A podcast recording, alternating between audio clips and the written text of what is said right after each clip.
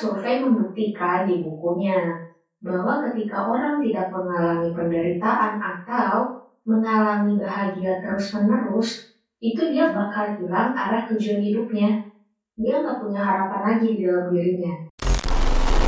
Menurut gue, kayaknya kita harus sering deh menari di tengah badai. Dalam tuh, menari di tengah badai. Jadi ya, kita bahagia di atas kesedihan kita sendiri. Haha,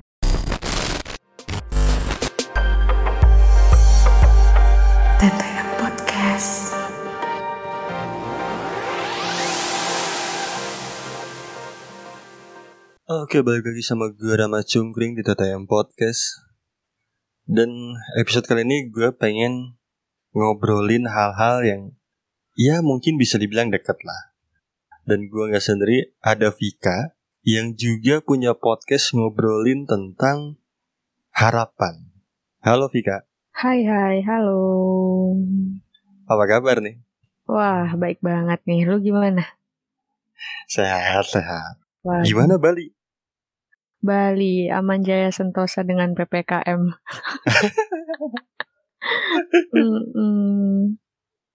Oh iya, nama podcast lu apa sih? Bahasa Inggris gue kalau bahasa Inggris lu ribet tau. Haha, anjay, ribet. Wall of Whisper.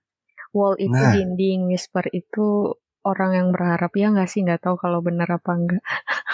Iya, kalau bahasa Inggris tuh gue eh gak inget gitu. Hmm, Agak susah. Emang bahasa Inggris Iya. gue emang terjerembab. Waduh, amburadul. ya. Iya. Iya, begitulah. Jadi podcast gue tentang harapan yang ngebahas tentang ya seputar-seputar harapan lah. Harapan lu apa, komplikasi harapan itu seperti apa, ya begitu-begitulah. Iya, iya, dan kemarin juga kita ngobrol kan di podcast lo ya. Ngebahas tentang harapan juga. Jadi teman-teman yang pengen tahu harapannya atau keresahan pada saat dia mengalami harapan si Mas Rama ini bisa dengar di podcast Wall of Whisper. Ngeri, ngeri. Waduh. Nah, sekarang Mm-mm. gue ada satu topik menarik. Wah, apa tuh? Yang sebetulnya kadang-kadang kepikiran sama gue. Mhm. Gue langsung nanya aja ya. Hmm, boleh. Lu pernah gak sih merindukan kesedihan? Kalau merindukan kesedihan, dipikir-pikir sih sebenarnya enggak ya. Tapi ketika kita pikirin ulang, gue pernah ngalamin itu dan rasanya, aduh, itu kita ngalamin ketika kita ngerasa seneng kali ya. Atau misalnya kehidupan kita ya datar-datar aja selama beberapa bulan atau beberapa tahun. Dan Betul. ketika hal itu tidak datang sama kita, waduh, kayaknya enak nih. Iya, iya, iya. Gitu. Kenapa kenapa gue menanyakan itu? Mm-mm, kenapa? Karena beberapa kali gue kepikiran tentang hal Hmm. itu. Mhm. Maksud gue gini, Hmm. gue bukannya tidak bersyukur atas hidup gue saat ini. Gue bersyukur banget. Setidaknya selama dua tahun terakhir, sesulit apa pun gue ngelewatin perjalanan itu, Mhm. gue tetap bahagia kok. Bahagia banget gitu. Cuman, kadang-kadang, karena mungkin sebelumnya juga gue ngelewatin perjalanan yang cukup panjang, dalam hal-hal, ya, percintaan, relationship, Mhm. kan ketika masih single tuh kita masih ada perasaan eh, apa ya kayak kecemasan ini diterima atau enggak? Terus dia di belakang kita kayak gimana? Mm-mm-mm. nah hal-hal itu tuh udah dua tahun terakhir hilang. Nggak ada.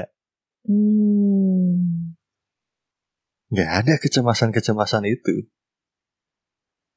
Mungkin kecemasannya eh, berbeda ya ketika gue sudah menikah Hmm. Tapi gue akan menanyakan sama lu yang masih single. Makanya gue tadi nanya di awal tuh, lo pernah gak sih merindukan, bukan kesedihan mungkin ya, Mm. merindukan perasaan-perasaan yang kayak gitu? Hmm. Pernah lah. Karena eh, apa ya? Manusia itu kalau misalnya hidupnya seneng-seneng mulu, kayaknya nggak seru. Setuju, setuju. Heran gue sama manusia itu ya. Kok bisa begitu? Padahal eh, yang kita rindukan sebenarnya kebahagiaan, kebahagiaan kita ngejar kebahagiaan, damai sejahtera dan seperti itulah. Tapi ketika kita sudah nyampe di situ dan kita udah ngalamin itu berbulan-bulan atau bertahun-tahun, eh kita malah ngerinduin rasa-rasa yang ngebuat kita mungkin cemas atau ngebuat kita overthinking atau nangis pada saat itu. Heran gue, aneh. Iya, iya, iya. Benar-benar. Iya. Gue jadi ada ada pertanyaan Hmm, dalam pikiran gue barusan pas lu ngomong. mhm, apa tuh? Ketika ada orang anggaplah menjalani hubungan Hmm, dan dia ngerasa eh flat gitu ya. hmm, Ya dia seneng tapi kayak nggak ada tantangannya. hmm, Gue jadi muncul pertanyaan, apakah itu yang membuat orang ini mhm. selingkuh? Wah, bisa jadi. Ya nggak sih? Karena kan iya, benar. ketika ketika selingkuh Mhm, ada kecemasan kan? Setidaknya takut ketahuan lah. mhm. Iya nggak sih? Iya, iya, setuju, setuju. Atau mungkin dia pengen nyari eh, pasangan yang emang bisa buat dia merasakan kecemasan atau eh, mungkin dimarah-marahin. Dia ngerasain hal-hal itu. Bisa jadi. Tapi agak aneh sih kalau ada orang yang kayak gitu ya. Eh, ada tahu gue sedikit cerita. gue punya temen. Temen gue ini nggak bisa eh, hidupnya itu kayak bukan hidupnya maksudnya dia itu nggak bisa bangun hubungan tanpa ada masalah. Kalaupun nggak ada nantar masalah nih di dalam hubungannya dia, dia bakal nyari masalah. Toxic dong. Nah, kagak tahu gue dia toksik apa enggak, tapi sama gue enggak. Dia ngomong oh curhat biasa gitu. Cewek ini, cewek. Tapi ketika dia dapet cowok yang eh, ngertiin dia, oh ya udah iya iyain gitu dan sebagainya. Pokoknya baik-baik lah. Dia nyuruh curhat kan ke gue. Tika, kok datar banget sih nih hubungan gitu. Gue kangen tau sama mantan gue yang eh, gini gini gini gini. Pokoknya dia ngerinduin masa-masa di mana dia ngalamin nangis gitu. Nah, iya iya. Kayak cemas-cemas gitu. Aneh, kok ada orang kayak gitu? Iya iya iya. Gue ngomong kayak barusan bukan berarti gue akan melakukan itu ya, nggak sama Wah, sekali, Jangan dong. nggak sama sekali, iyalah. Jangan.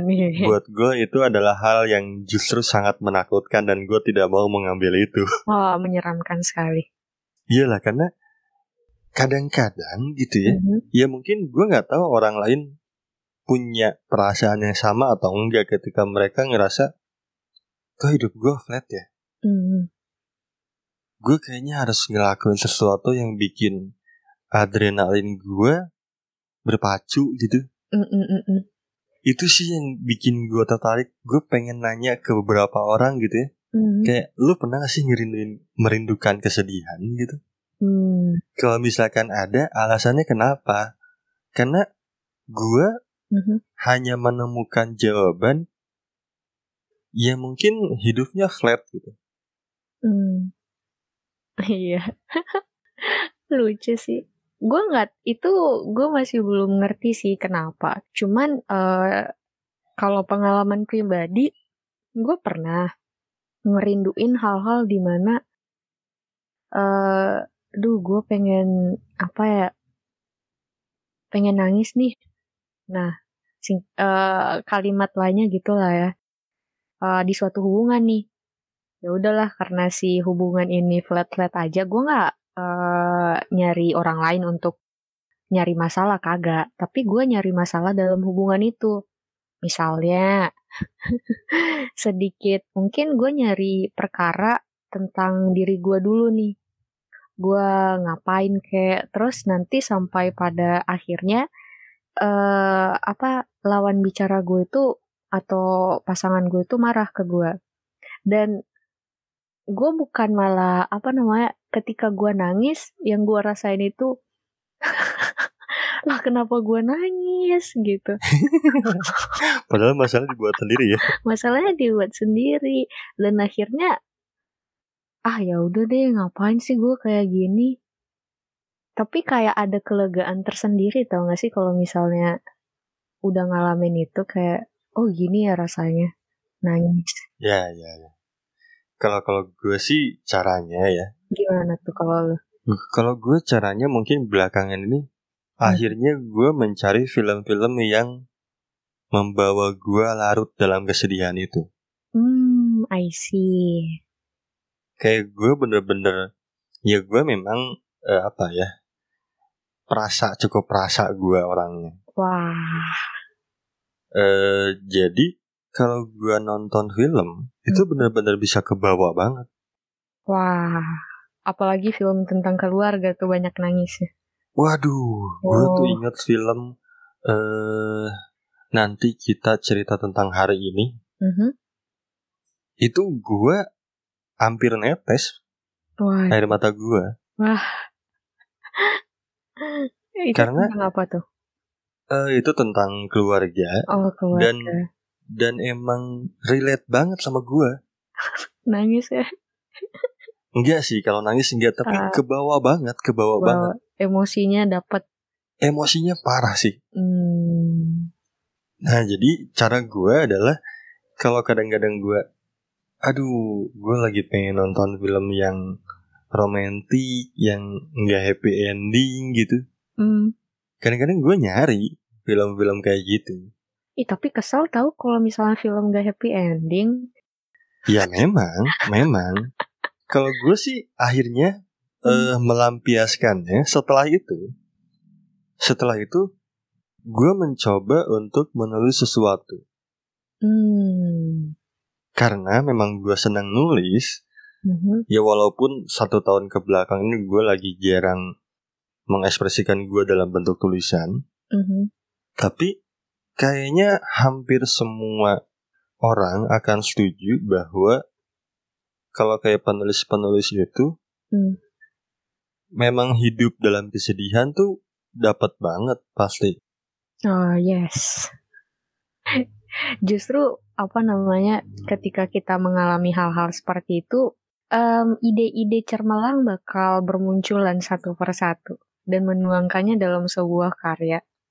Iya, Hmm. baik itu dalam lagu mungkin atau dalam puisi gitu kan. Yes, setuju banget gua. Karena kalau gue, Hmm. gue nih ya, Mhm. gue lagi lagi seneng gitu, lagi bahagia. Hmm. ketika gue disuruh mak bikin eh, puisi yang emang seneng banget gitu Hmm. yang menunjukkan rasa bahagia justru susah Nah, buat iya. gue ya buat Ah, ah, ah, ah. tapi ketika gue disuruh bikin sesuatu yang ngebawa ke dalam kesedihan gue bisa Hmm, I see.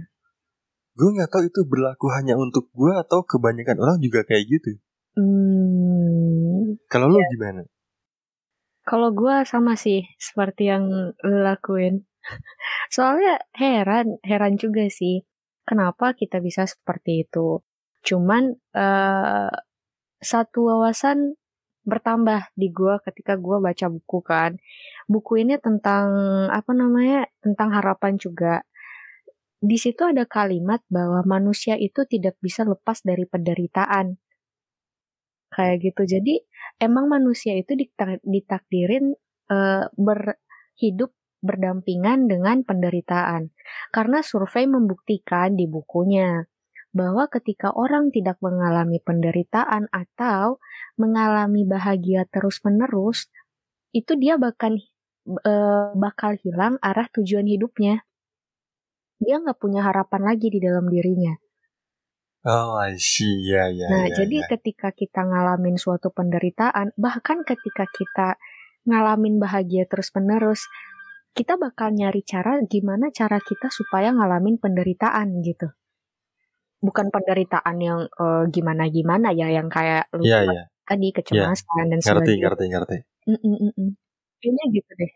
iya ya lu suka nulis juga kan Oh suka, suka, suka, suka nulis. Salah satu referensi buku lu apa? Referensi buku, Iya. gue baru baca buku akhir-akhir ini tau. Buku apa? buku apa ya buku Segala-galanya Ambiar karya Mark Manson.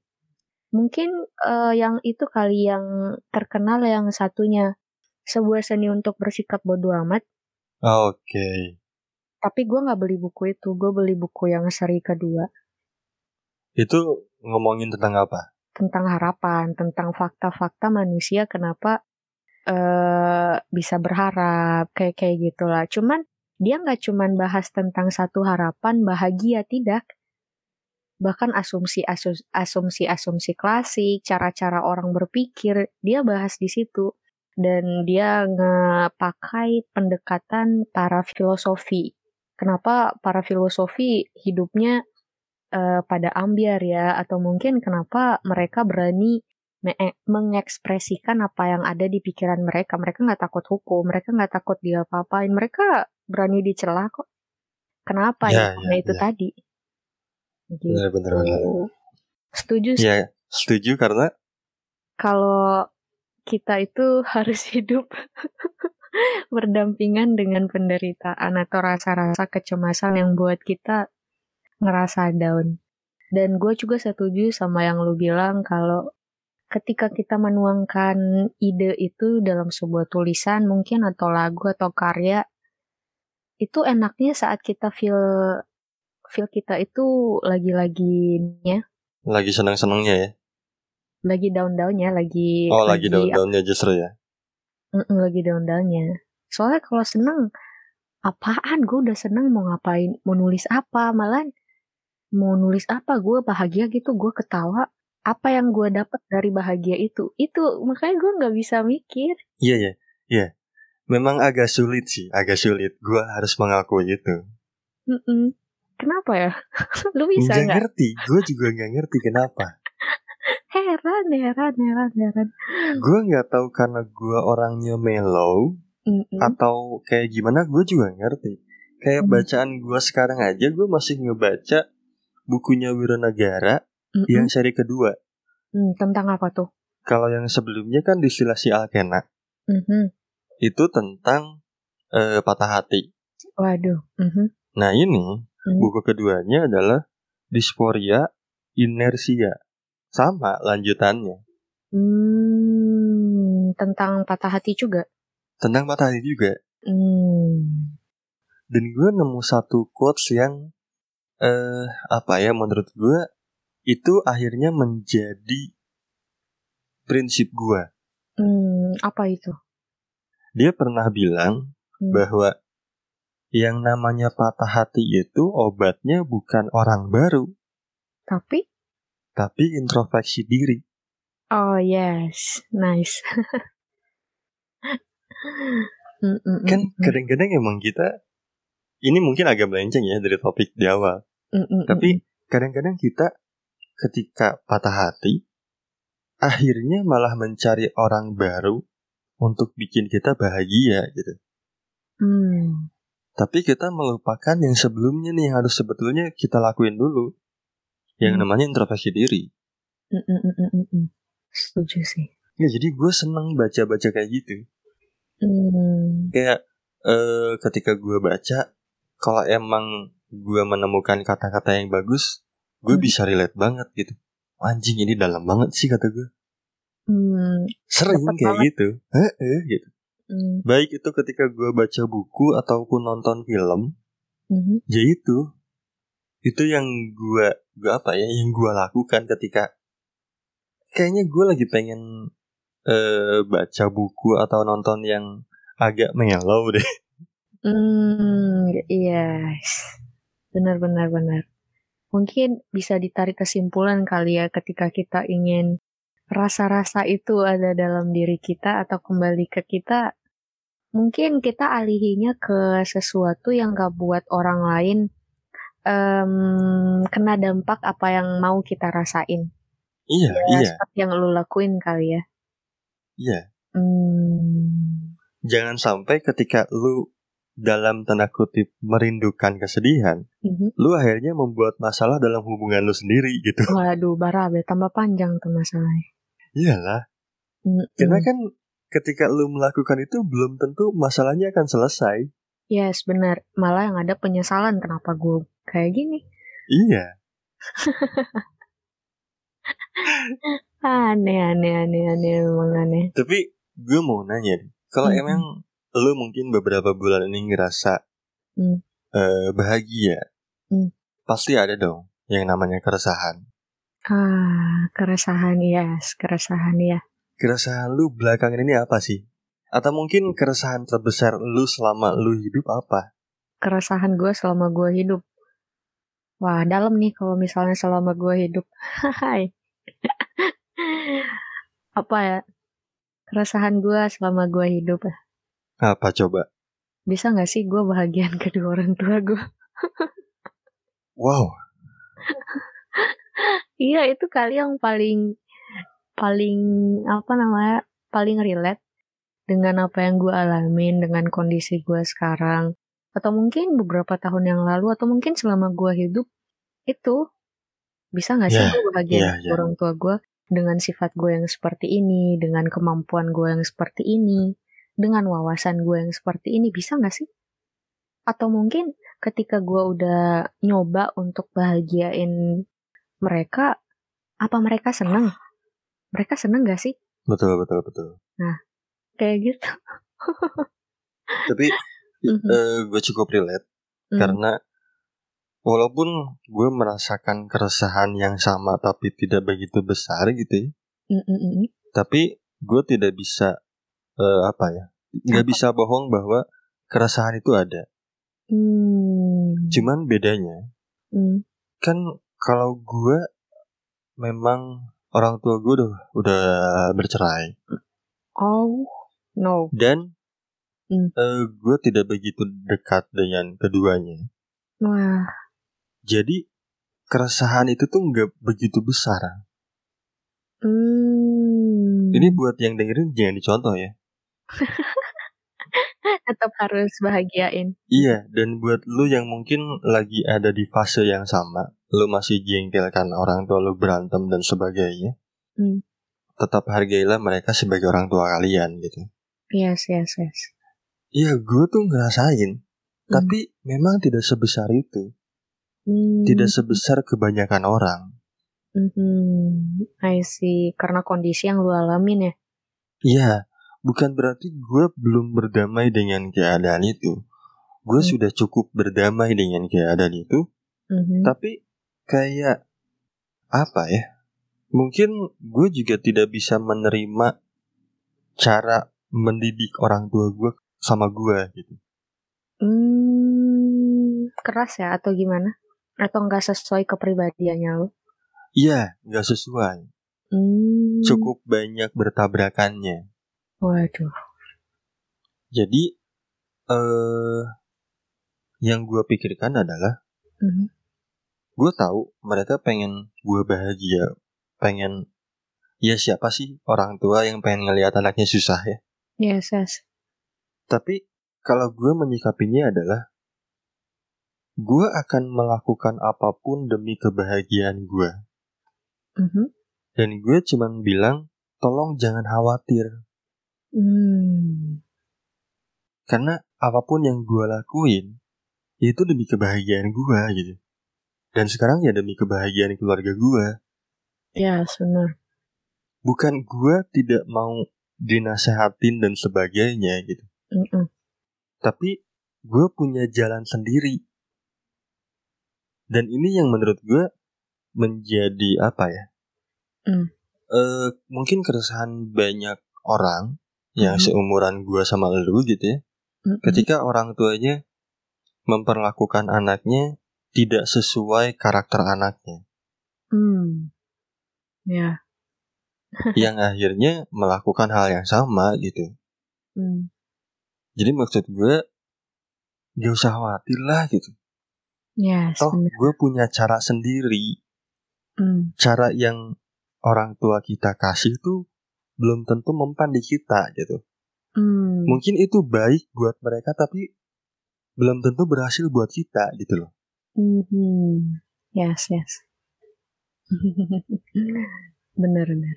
Makanya gue relate ketika lu Gue cukup relate ketika lu bilang Pengen ngebahagiain orang tua Gue se apa ya kalau bisa dibilang, Hmm.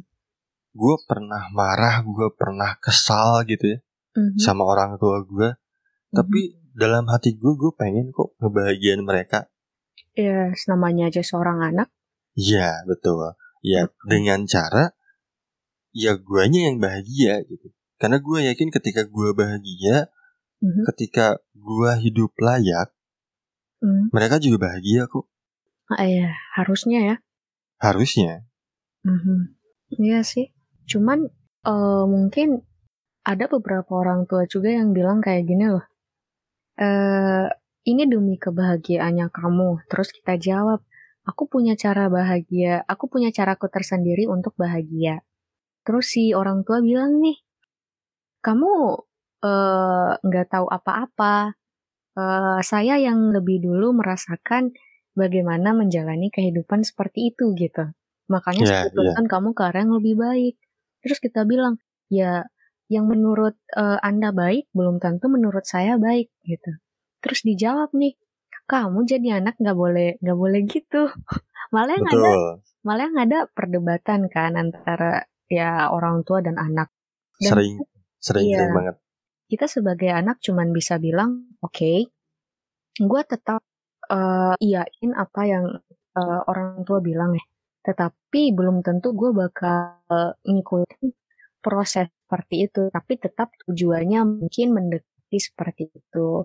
Agar apa ya, mungkin biar nggak terlalu kecewa atau bagaimana. Tapi gue setuju, gu- setuju juga sama yang lu bilang kan. Sekesal-kesalnya kita sama orang tua, sedendam-dendamnya atau bahkan pasti ada satu titik di mana duh gimana ya cara gue bisa bahagian orang tua gue Iya, iya. Iya, iya. iya kayak gitu wah dalam sih kalau misalnya orang tua ah ribet banget gue Memang eh apa yang bikin lu sampai meresahkan hal itu? resah lah. Gimana kagak resah di umur gue pengen eh, kalau gue ya gue pribadi eh di umur gue yang segini maunya gue udah tahu gue mau ke mana gitu. Udah ada lah pegangan gue satu gue mau ngapain.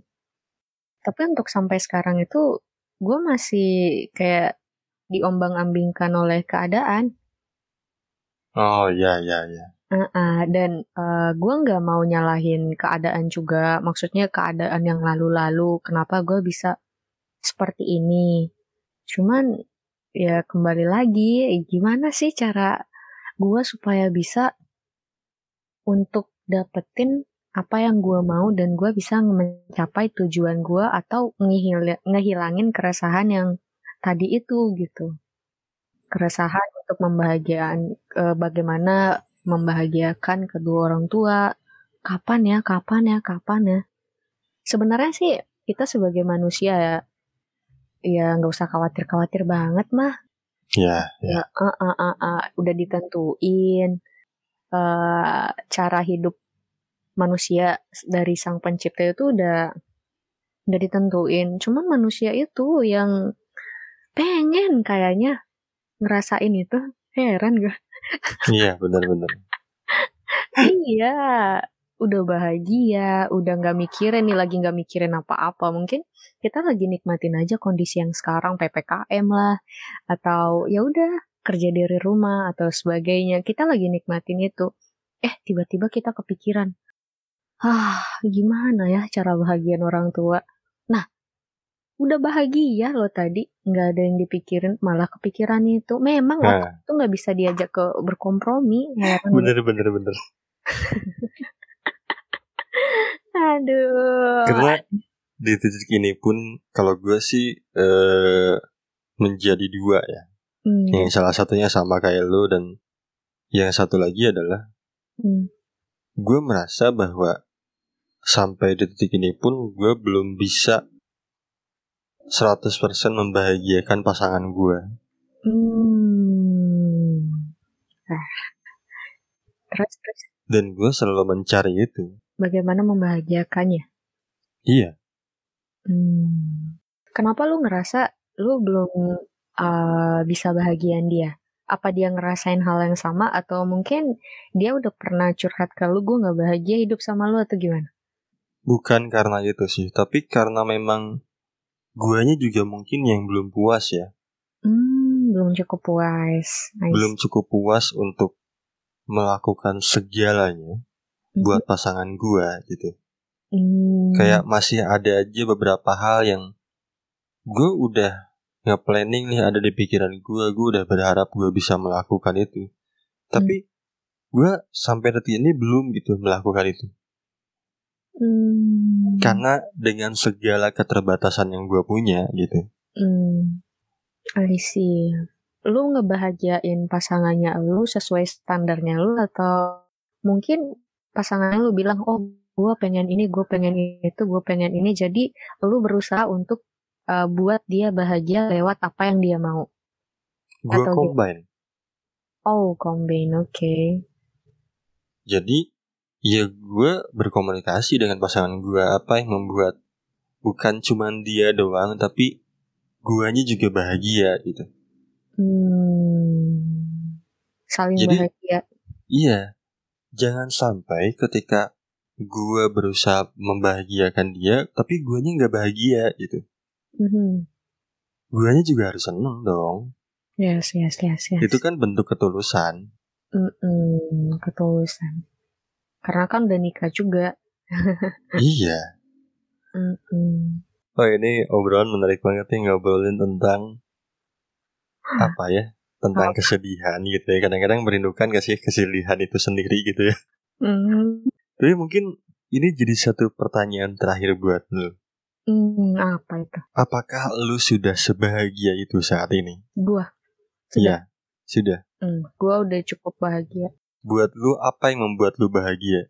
Karena gua bisa bersyukur apa yang gua miliki saat ini. Gua bahagia. Gua menikmati keadaan sekarang daripada em, keadaan-keadaan di mana gua atau mungkin keadaan di mana di mata orang yang gua alamin itu bahagia. Sedangkan gua nggak sebahagia itu. Nah, ketika di mata orang atau pada pandangan umumnya, em, harusnya di kondisi gue ini lagi nggak enak-enaknya, tapi yang gue rasain sekarang itu gue bahagia. Oke, iya Nang- iya. Nangkep ya. Nanggap nanggap. Misalnya stigma ma- eh, masyarakat kan kayak, oh kalau dia kaya berarti dia bahagia, atau kalau misalnya keluarganya baik-baik aja dia bahagia, atau ketika dia mendapatkan prestasi, mendapatkan pujian dia bahagia.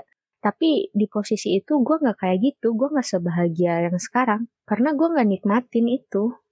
Jawabannya itu sih, gue nggak nikmatin saat-saat itu enggak.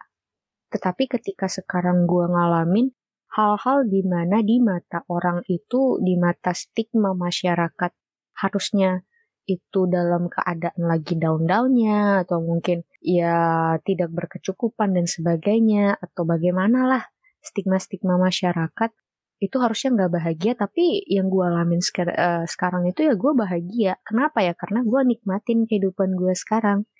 Gue bisa berdamai dengan uh, diri gue sendiri itu sih kunci utamanya kalau yang gue tekanin di dalam diri gue oke Pika ketika lu bisa berdamai dengan diri lu lu pasti ngalamin suatu kebahagiaan atau titik puncak kebahagiaan tersebut nggak ada yang bisa bandingin itu Iya iya. kalau gue gitu sih Ya kadang-kadang memang bahagia itu pilihan sih. hmm benar bahagia pilihan Menurut gue bahagia itu pilihan. Mhm. Dan memang tidak sesederhana itu untuk bahagia. yes Karena ya balik lagi bahagia itu pilihan. Mm-mm-mm. Lu memilih untuk bahagia dalam kesedihan lu atau lu mau larut dalam kesedihan lu sendiri. yes benar Dan dan ada satu quotes menarik Mhm. tentang barusan deh. Menurut gue kayaknya kita harus sering deh menari di tengah badai. dalam tuh menari di tengah badai Jadi ya kita bahagia di atas kesedihan kita sendiri. Hai, benar. Apa pun yang kita lewatin, ya bahagia aja. Kita memilih untuk bahagia. Yes. Wah oke deh. Thank you Vic. Ngobrol-ngobrolnya malam ini ini menarik banget obrolannya. Wah, makasih banget. Menarik. Dan terakhir seperti biasa dari gue, bahagia sendiri buat apa? Rasa sendiri itu kan gak nyaman. Gue Rama Cungkring dan ada Vika. Gua pamit undur diri. Pamit undur diri. Thank you. Thank you. Podcast.